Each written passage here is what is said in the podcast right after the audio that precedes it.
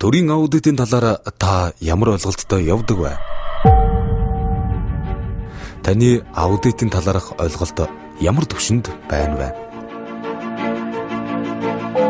Аудитын талаарх ойлголт мэдээ мэдээллийг ямар их сурвалжаас олж авдаг вэ?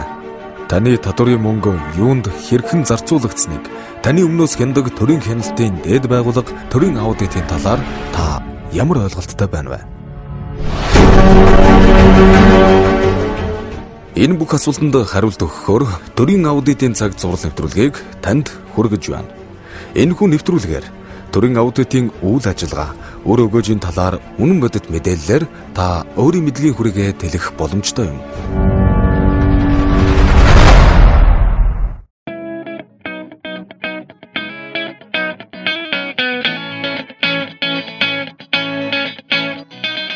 Сайн байцгаана уу сонсогчдоо. Ингээд өнөөдрийнхөө зочноо сонсогч та бүхэндээ танилцуулъя. Үндэсний аудитын газрын хууль эрх зүйн хилцээний дарга анх хоёр оролцож байна. Танд энэ өдрийн мэндийг хүргэе. За баярлалаа. Арайдуу сонсож байгаа нийт эрхэм хүндэт сонсогч та бүхэндээ бас энэ өдрийн мэндийг хүргэе. Хоёулаа яриагаа бас хилцээнхаа үйл ажиллагааны талаар сонсогчдоо мэдээлэл хүргэх хэрэглэе. Ер нь танаа байгууллагт за энэ хууль эрх зүйн хилцээний эхлэлцэд одоо хичнээн мэрэгчлэнүүд ажиллаж байна. Ямар ямар чигүүргэн хүрээнд үйл ажиллагаа эрхэлж байна. За манай байгууллага 2003 оноос хойш төрийн аудитын байгууллага төрийн аудитын тухай хууль батлагдсанаас хойш үндэсний аудитын газар гэдэг статустай болж үйл ажиллагаагаа явуулж эхэлсэн. За 2017 оноос хойш бол бүтцийн өөрчлөлт орж хууль эрх зүй хэлтсэн маань шинээр үүсгэн байгуулагдаж одоогор бол хоёр мэрэгчлэлтэн нэг дараагийн хамт үйл ажиллагаа явуулдаг. Чигүүргийн хувьд бол төрийн аудитын байгууллагын бүтцэд бүхэлд нь хууль эрх зүйн зөвлөгөө өгөх а хуулийн талаар танилцуулах сурчилгаа хийж байгууллагын чигүүргийг хууль тогтоомж заасны дагуу хэрэгжүүлэхэд бол бас үр гүйцэтгэж оролцдог тийм статустай нэгж байгаа. За яг одоо энэ одоо цаг мөчөд гэдэг юм уу те өдөө хүртэлх энэ хугацаанд төрийн аудитын байгууллагын хууль эрх зүйн орчин ямар төвшөнд байна гэж та үзэж байна. Хилцээний дарга үед хууль эрх зүйн орчин маань бол одоо хууль батлагдсан бие даасан хуультай хэрэг хуулиад хэрэгжүүлж ажилладаг. Үндсэн хууль тусгалаа олох хэлбэр бол энэ эрх зүйн орчинд бол их онцгой чухал байсан.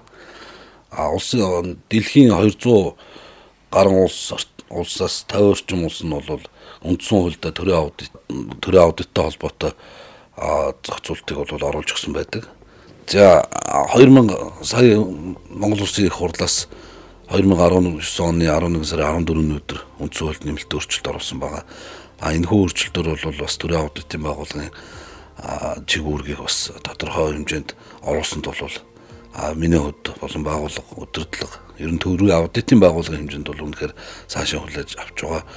А их хурлын дарга бол энэ байгууллага бол үндсэн хуулийн тодорхой статустай чигүүргийг хэрэгжүүлж байх ёстой байгууллага юм байна гэд зандаа шатар дарга маань бас хэлээд манай байгууллага дээр ирж уулзалт ихтэй хэлээ явсан. Энэ маань бас биелэлээ олж а үндсөөлд одоо төрийн санхүү төсвийн хяналтыг хараа тусаар хэрэгжүүлэх байгууллагын бүрэн эрх зохион байгуулалт үйл ажиллагааны журмыг хуулиар тогтооно гэж оруулж өгсөн нь бол үндсэндээ үнэхээр одоо талархалтай бахархууштай үйл явдал болсон гэж үздэг. Энэ утгаараа бол одоо төрийн аудитын байгууллагын эрх зүйн үндэс үндсэн хуульд орсон одоо бас олон улсын байгууллагуудын өмнө бас үнэхээр нэг алхам алхсан ач холбогдолтой заалт болсон гэж үздэг. Сайн нэг үндсэн хуулийг үндсэн хуулийн нэмэлт тийм үндсэн хуулийн нэмэлт өөрчлөлтөөр бол төрийн санхүү төсвийн хяналтыг бол хараа тусаар хэрэгжүүлэх байгууллагын бүр эрх зохион байгуулалт үйл зохион байгуулалт үйл ажиллагааны журмыг бол хуулиар тогтооно гэж үндсэн хуульд орсон нь бол манай төрийн аудитын байгууллагын доршин тогтнох эрх зүйн үндсэн үндсэн хуулиараа баталгаажсан онцгой чухал бас зохицуултыг оруулж өгсөн нь бол ач холбогдолтой болсон. Бусад одоо гадаадын улс орнуудаас ингээд жишээ аваад сайн туршлан судлаад явж байхад манай одоо яг энэ төрийн аудитын байгууллагын хуулийн одоо эрх зүйн огшийн нөхцөл байдал ямар төвшөнд явж байгааг харж байна. Олон улсын аудитын байгууллагуудтай ингээд харьцуулахад А энэ бусад байгууллагуудын хувьд харьцуулахад бол бас сүүлийн үед бол төрийн аудитын үйл ажиллагаа үнэхээр идэвхжиж ард түмний иргэдийн бас санал бодол сонсож үүндээ ол бодулж олон нийт иргэд олон нийт рүү чиглэсэн бас зоригтой үйл ажиллагаануудыг явуулж байгаа.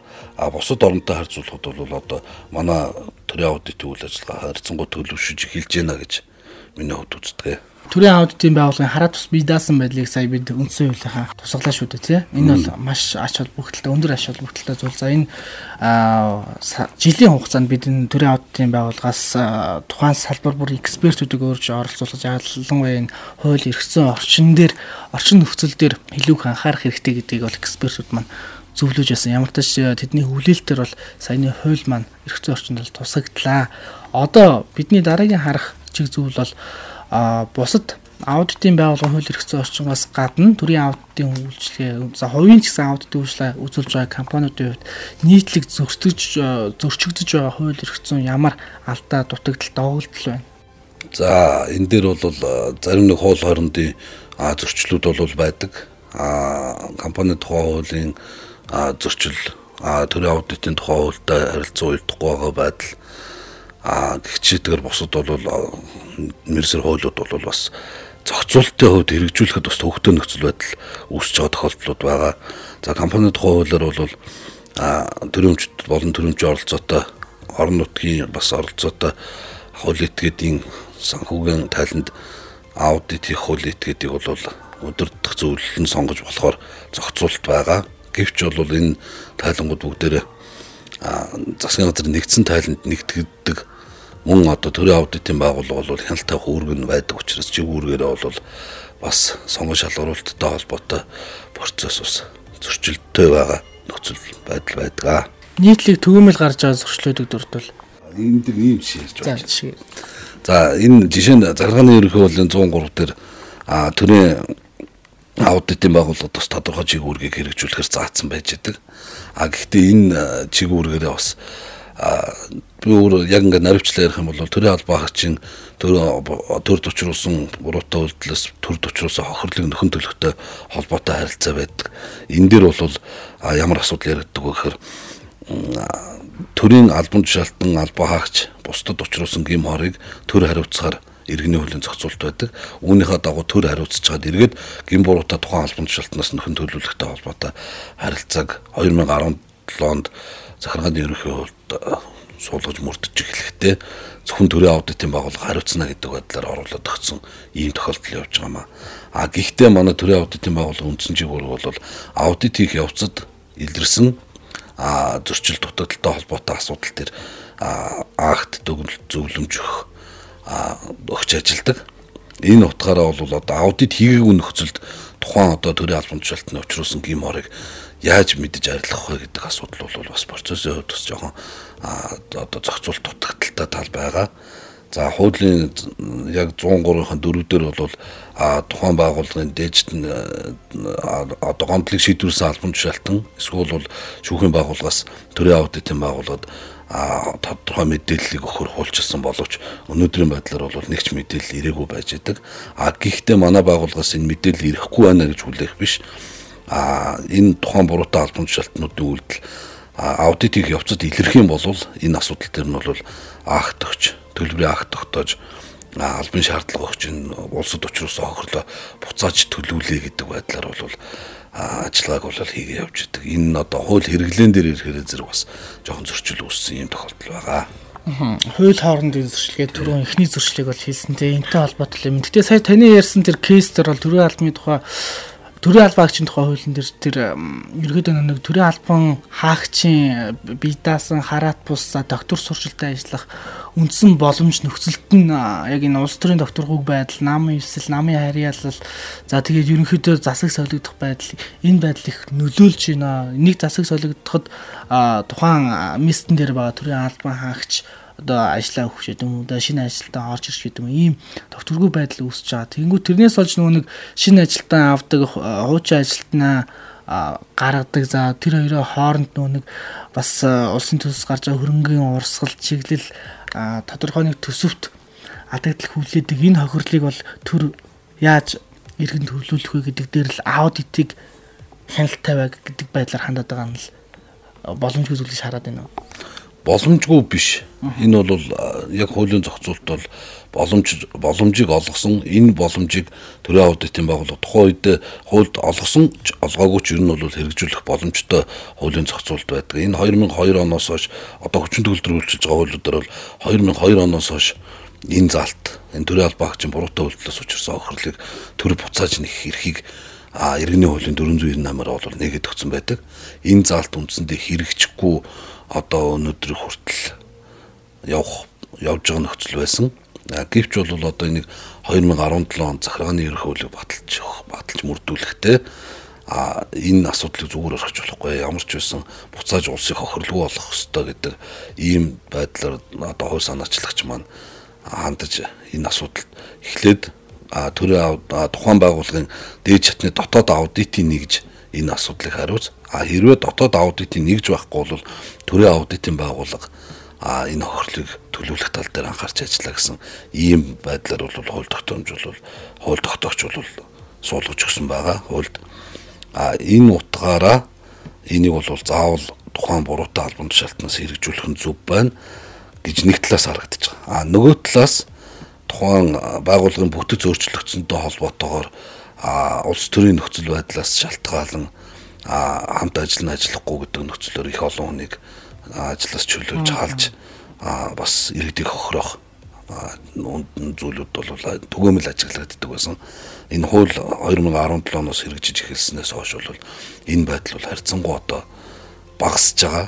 Аа тэгээд төрийн албаны тухай хууль сая 2019 оны 1 сарын 1-ээс мөрдөгдөж эхлэхдээ бас энэ нөхцлүүдийг зогсоож хэрвээ одоо өнцлгүүгээр ажиллаж чөлөөсөн халсан төр чөлөөсөн нөс одоо төр тохирол учраас иргэд төлөвлөх харилцаа яригдах юм бол буруутай шийдвэр гаргасан буруутай албан тушаалтнаар нь төлөвлөхийг оруулж өгснөөр бол үнэхээр онцгойч холбогдолтой хуулийн зохицуултууд бас үйлчилж байгаа.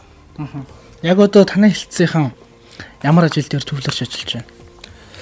За яг чиг үүргээрээ бол яг төрийн аудитын байгууллагын хэмжээнд тэгэхээр зэрэг улсын хэмжээнд энэ хууль зүйн зөвлөгөө буюу байгууллагын ажилтнуудын аудиторуудын одоо хууль тогтоомж хэрэглэхтэй холбоотой асуудалд бол нэгдсэн байдлаар зөвлөгөө өгч ажилдаг. Аа тэгээд жишээ дурдаад ярих юм бол яг шүүхтэй холбоотой иргэний болон захиргааны иргэн шүүх, иргэний шүүхүүдэд асуудал а төрийн аудитын байгууллагыг төлөөлж оролцохтой холбоотой харилцаан дээр а бас бусад байгууллагын одоо удирдах ажилтнуудыг бусад аудиторуудыг хууль тогтоомж хэрэглэж хэрхэн зөв болгож хэрэглэх вэ гэдэг дээр бол одоо дэмжлэг тусалцаа үзүүлж ажилладаг ийм нэг жугаа манай гэж. Цаашдаа ерөнхийдөө өргөө хүрээгээ тэлэх өргөжих одоо ядаж нэг э, бүтцийн хувьд одоогийн байдлаар ямар бүтцтэй ажиллаж байгаа гэлээ. Одоогийн байдлаар гурван хүн л байгаа. Манай яг улсын хэмжээнд хуулирах зүйл цайрууд хуулирах асуудал хариуцаад а цаашид бол анхаарахаар асуудлууд бол байдаг. Орон нутаг манай төрийн аудитын байгууллага бол босоо тогтолцоотой байгууллага. Тэгээд орон нутагт 22 нэгжтэй аймаг нийслэлтэй салбартай төвдөө үндэсний аудитын газар гэдэг төрийн аудитын дээд байгууллага гэж нэрлэгдээд ингээ байж байгаа хуулиараа. Тэгээд цаашлаад ер нь нэгж орон нутгууд орон нутгийнхаа салбаруудад бас э, хууль эрх зүй хариуцсан ажилтнтай байх. Энэ үүнээс шалтгаалаад тухайн байгууллагын төр төчөрсөн хохиролттой холбоотой бусад одоо шүүхэд төлөөлөхтэй холбоотой харилцаанууд бол энэ дээр нэлээд одоо хүн хүчний асуудал дээр бол бас жоохон тутмаг байдал бол ажиглагддаг. Гэхдээ энэ улс орны төсвийн байдал бас одоогийн нөхцөл байдлаас шалтгаалаад бол бас оронтой нэмэх асуудал бол тодорхой зүйлээр хязгаарлагдаж байгаа. Тэгээ хангалттай хүрэлцээтэй хэмжээнд бол ажиллахад бол ажил хүчний нөөц боломж бол бага хэмжээнд л байгаа гэж үзэхээр шүү дээ. 2 2хон тий улсын хэмжээнд үндсэндээ тэр 3 хүнл байж байна л гэсэн үг. Тэгэхээр бид нүс яг нөгөө э, интернет э, цаг хугацаа интернет орчин хөгжсөн учраас бол мэдээллийг бол маш аралтайгаар ингээд энэ зүйлийг авах юмнуудыг бол манай орон нутгийн салбарууд бол шууд манахаар харьцаад хандаад зөвлөгөө аваа явуудаг явдаг. Цагаалдгүй шууд яг хууль элцс рүүгээ мэйл хичээл, ад мэйл хичээл эсвэл шууд залгах юм ийм байлаар эсвэл бичлээ яаж уусгах юм байлаар тухайн асуудлаа шийдвэрлэж. Тэгэхээр төд учруулсан одоо хохирлыг нөхөн төлөвлөсөн, барагдуулсан тэр нөхөн төлтөөс олж орж ирсэн одоо тэр тоо хэмжээнд дээр танд яг сүүлийн үеийн судалгаатай яг мэдээлэл байна уу? Яг ямар байгууллага тодорхой хэмжээний алдагдал гаргаад төр тохирол учруулад тэдийн хэмжээний зардал гаргаад тэгээ тэрийг нь бол бид ингэж иргэн төлөвлөсөн гэдэг. За энэ дээр бол энэ 2018 оны санхүүгийн нэгдсэн тайланд унсан хэмжээнд аудит хийхэд бол тэрбум 250 орчим сая төгрөгийн энэ буруутай албан тушаалтаар нөхөн төлөвлөх акт албан шаардлага бол хөргөгдөж ажилласан байгаа. За яг энэ жилийн эцсийн байдлаар бол одоо энэ 19 оны санхүүгийн нэгдсэн тайланд мэдээлэл гарахаар энэ бол харьцангуй яг бодиттой тоо бол гарч ирнэ. А энийг би яагаад өнөөдөр тоо хэлэхгүй ингээд яг хідэн хід төлөгдсөн байна уу гэдгийг бас нарийн хэлж болохгүй байна гэхээр зэрэг тухайн буруутай албан тушаалтан өөрийнхөө бурууг ойлгоод би одоо ингээд ялтчих миний буруугаас ингээд энэ шийдвэр ингээд одоо шүүхтэр ялгадаад би төлбөр төлчлөө. Тэгээ би одоо өнөөдөр маа гэж шууд 3 сая төгрөг 5 сая төгрөг төлөх боломжгүй байна. Сар бүрийн цалингаас 100 мянга өгөө 500 мянга өгөө 300 мянга өгөө гэгээд ингээд төлөө явж байгаа тохиолдлууд бол байгаа. Тэгэхээр зэрэг энэ бүхэн маань бол би бас төрийн аудитын байгууллагын ажлын үр дүн гэж харж байгаа. Аа магадгүй 2019 оны санхүүгийн тайланд аудит хийсний дараа энэ тоо бол яг боддогоор 2018 онд бол нийт одоо тэр бум 250 сая төгрөгнөөс тэдэн төлөгдсөн байна. Тэд нь одоо төлөгдөх шатандаа явж байна. Тэдэн төлөгдөөгүй байна гэдэг тоо бол маш тодорхой гарч ирнэ. Тэгэхээр яг иргэн төлөгдөж байгаа энэ хөл э, мөнгө бол мэдээж бидний одоо халаасаас гарч байгаа татврын мөнгө байгаа. Тэгэхээр иргэд олон нийт маань энэ талаар мэдлэг ойлголттой бэжж тухайн хинч хуу хүн аж ахуйн гэж байгууллага төржүүлж байгаа хохирлыг зөвхөн төрийн аудитын байгууллагын аудиторууд холбогдох ажилтнууд эсвэл 97 бас мэдээлж тэр сахим хуудсанд ч гэсэн одоо өөрсдийнхөө санал хүсэлтийг бол бичих өргөн боломж бол нээлттэй байгаа юм билээ. Та сая хууль ингээд гардаг батлагддаг дагаж мөрддөг нийтэр а гэхдээ хэрэглээ тал дээр процессын хувьд бол айгүй олон одоо хуулийн хоорондын одоо маргаантай асуудал ч юм зөрчлүүд байдгаа гэж хэлээ шүү. Тэгэхээр яг хуулийн хэрэглээ тал дээр иргэд олон нийтийн зүгээс ч юм уу яг энэ төрийн аудитын байгууллагын хууль эрх зүйн орчин нөхцөл байдал за тэгээд энэ аудитын байгууллагатай харилцах харилцаа гэд энэ бие даасан одоо хуулиудыг одоо иргэд олон нийтийн зүгээс мэдэх хэрэгцээ шаардлага ямар төвшөнд байгаа гэж та харж байна. За энэ иргэд олон нийт маань бол сүүлийн үед харцсангуй мэдээлэл их ил өндөртэй болчихсон. Сошиал ертөнцөөр бол бүх төрлийн мэдээллийг нэлээд сайн авч чадж байна. За хууль хэрэглээний тал хэрэглэх гэдэг бол үндсэндээ тухайн тохиолдлоос шалтгаалаад иргэн бүрэл хууль хэрэглэл байж байгаа. А төрийн аудитын байгууллагын хувьд бол үндсэндээ төрийн аудитын тухай хууль заасан чиг үүргийнхаа дагуу а холбогдох шалгалтыг хийх явцдаа аудитыг хийх явцдаа а зөрчигдсөн хууль тогтоомж зөрчил эдгээрийг бол илрүүлэн гаргаж ирж зохих яг зөрчсөн хууль заалтын дагуу тодорхой зөвлөмж чиглэл акт албан шаардлага дүгнэлтээ гаргаж өгдөг байгаа. А иргэдийн хувьд бол манай байгууллагатай бас сүүлийн үед бол харилцах харилцаа бол нэмэгдэж байгаа. Иргэний танхим гээд байж байгаа. Тэрүүгээр дамжуулж харилцаж байна. Өөрөөсөө хүртэл ийм асуудлыг шалгаач гэдэг байдлаар мэдээлэл ирүүлж байгаа. Энэ бүх байдал бол энэ бүх байдалд бол манай байгууллага нэлээд тийм анхаарал тавьж ажиглаж байгаа. Иргэдээс ирүүлсэн гомдлыг бол тухайн жилийн санхүүгийн тайланд аудит хийх явцдаа энэ асуудлыг анхаараарай гэдэг байдлаар бол манай хууль эрх зүйн хэлцээс бол дараа нарт танилцуулж чиглэл хөргүүлж тухайн байгууллага бол аудит хийхдээ тэр иргэний дурдаад байгаа асуудал үнэн юм уу зөв юм уу гэдгийг бас наривчилж шалгах боломжууд бол байдаг. Тэгэхээр энэнийхээ дагуу бол одоо бас ажиллаад явж байгаа. Та яг ажиллаад яг энэ салбарт ажиллаад хэдэн жил болж байна? За хууль эрх зүйн салбар хуулийн сургуульд төгсөөд ажиллаж эхэлсэн өмнөөс хойш үндсэндээ 18 жил яг энэ хууль эрх зүйн салбартаа ажиллаж байна. Яг сонголтын хувьд таны хувьд өөрөө сонголт байсан уу эсвэл гэр бүл найз нөхөд хамт олон нөлөөлөл байсан уу? Төрийн аудитын байгууллага бол өрөмөц байгууллага.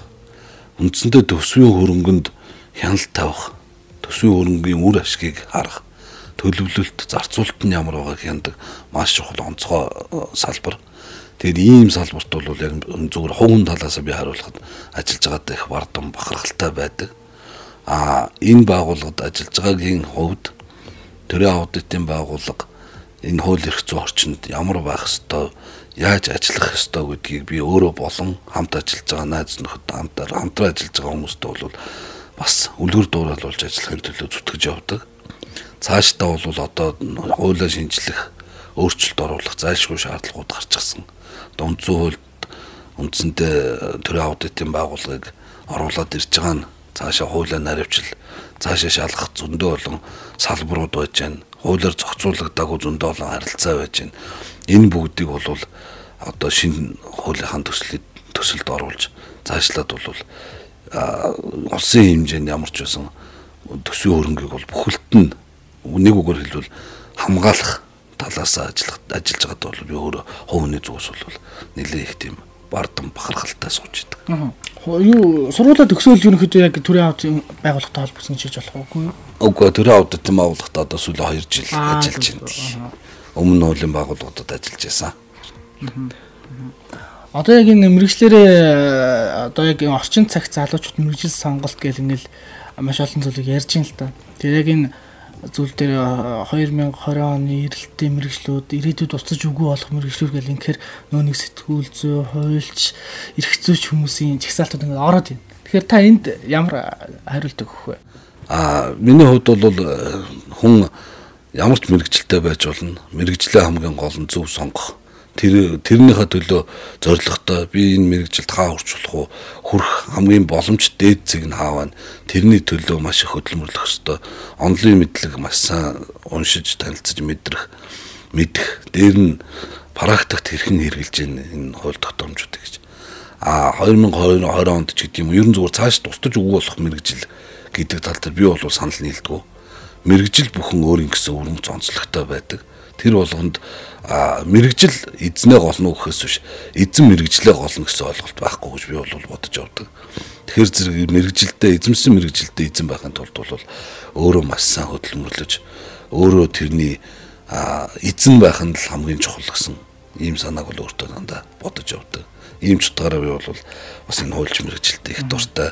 Тэгээ ирээдүйд одоо мэрэгчлээ сонгох гэж байгаа залуучуудад яг зүгээр хандаж хэлэхэд хуульч мэрэгжил мэрэгжил бүхэн саахан а мэрэгжилдээ эзэн байгаад хуулч мэрэгжлийг эзэмшээ гэх юм бол энэ мэрэгжил хизээч устж үгүй болохгүй мэрэгжлээ гэдгийг бол би бардам хэлмээр байна. Хүн алхах бүрдээ хууль эрх зүйн харилцаанд оролцож тодорхой нэг хэм хэмжээнд захирагдж байдаг. Гудамж талбайд явж байхдаа иргэн эрх зүйн харилцаанд яаж орж ийн төрийн байгууллагатай очихдоо захиргааны эрх зүйн харилцаанд яаж орж ийн хүн төрөөл амьд явах хэрэгтэй. Энэ үндсэн хуулиар олгогдсон энэ эрхүүд яаж хэрэгжих ёстой. Энэ бүхэн байгаа тэр зэрэг хуульч гэдэг мэрэгжил, сэтгүүлч гэдэг мэрэгжил бол ер нь бол би устж өгнө үг болно гэдэгт бол хэзээ санал нийлэхгүй. Таны яг ажилдаа хандах ажлын арга барил нь юу юм бол? Зөвхөн энэ миний арга хандлага бол өгсөн үүрэг даалгавар а холбогдох ажлуудыг бол цаг хугацаанд нь маш яралтай чанартай хийж дуусгах, хийж гүйцэтгэх А ингийн тулд бол хууль тогтоомж заасны дагуу бүх нөхцөл байдлыг судалж явах ёстой. Энэ миний бас үндсэн яг хуу хүнийхээ зүгээс өөртөө бас үзэл бодол болгож баримталж явдаг бодол бол ямар ч тохиолдолд бол хүн чударгаар ажилланаа. Ажиллах ёстой. Хуулийн дагуу бүх юмыг а хин нэг хүнд ургунаж шаргунах биш. Үнэнгээ хилээл зогсож явах шиг сайхан юм байхгүй. Эзэж ер нь ямар ч тохиолдолд гэсэн ийм байр суурь маань бол цаашдаа ч гэсэн би бол яг хуу залуучуудыгаа хамт ажиллаж байгаа залуучуудыгаа бас зөв хүн зөв ажилдаа эзэн байгаа зөв бас хүн байхын төлөө өөрийнхөө чадах зүйлийг бүр хичнээн одоо боломжит бүх хувилбараар нь тэр хүмүүстэй суулгаж ажиллана гэсэн ийм бодолтой байдаг хандлагын хувьд яг орчин цагийн залуучууд та бол залуучуудыг бас салбараа хилцээ тэргүүлэн ажиллаж байгаа. За яг 2 жил төрийн аудитын болд ажиллаж байна. Өмнө бас яг энэ хууль өргөсөн салбарын хүрээнд бол салбартаа бол сургуулиуд төгсөд ажиллаж байсан.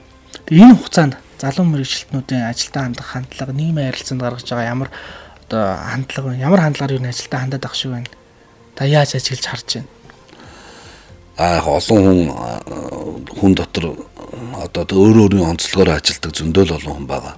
Гэхдээ яг манай төрийн аудитын байгууллага үндэсний аудитын хэмжээнд бол би бол сэтгэл хангалуун байдаг. Яагаад гэвэл үнэхээр тэр байгууллагад ажиллаж байгаа хүмүүс бол энэ ажлаа хийхээсэн гэсэн сэтгэл хүсэл эрмэлзэл надад бол мэдрэгддэг. Миний орхон байгаа хүмүүс хамт олон дотор ингээд би ажиглаад байж хаад үнэхээр энэ байгууллагын төлөө энэ улс эх орныхоо төлөө хоёргүй сэтгэлээр ажиллаж байгаа олон залуучууд байна. Би бол тэр залуучуудыг хараад бахархдаг. Хүн ажилдаа явахдаа тэр олон сайхан залуучуудтай очиж ажиллана гэж бодоод ямар ч тийм хүн хуурчих исэн гэсэн сэтгэлгүйгээр тэнд байгаа залуучуудыг хараад ажиллах үнэхээр сэтгэл хангалуун байдаг. Би зөвхөн хувийн талаас л энэ бол миний бодол. Тэгэхээр зэрэг би ганцхан одоо төрийн аудитын байгууллагын хэмжээнд биш. Ер нь энэ төрд ажиллаж байгаа албаа агч нарын цалин ямар байгаа вэ? Шат чатандаа үнэхээр бас аа баг цалин аваад өдөр шөнөгүй ажиллаж байгаа хүмүүс маш их байдаг. Энэ бүгдийг хараад би бол дотроо эмзэглэж явдаг. Боломж байвал цалингийн нэмээд боломж байвал эдийн засгийн баталгаагаар нь жоохон ч гэсэн хангаж дэмжиж явах байсан гэсэн энэ үзэл бодолтой одоо ч гэсэн үн жишээрээ зүтгэдэг. Байгууллага дотор боломжоор нь одоо нийгмийн баталгаа эдийн засгийн баталгаанд нь чиглээд нэмэгдүүлэх боломжтой юмнууд юу гэдэг юм бол энэ болгоныг нэмэгдээсэ гэж хүсэж бодож явдаг. Өдөртөгч үний хувьд.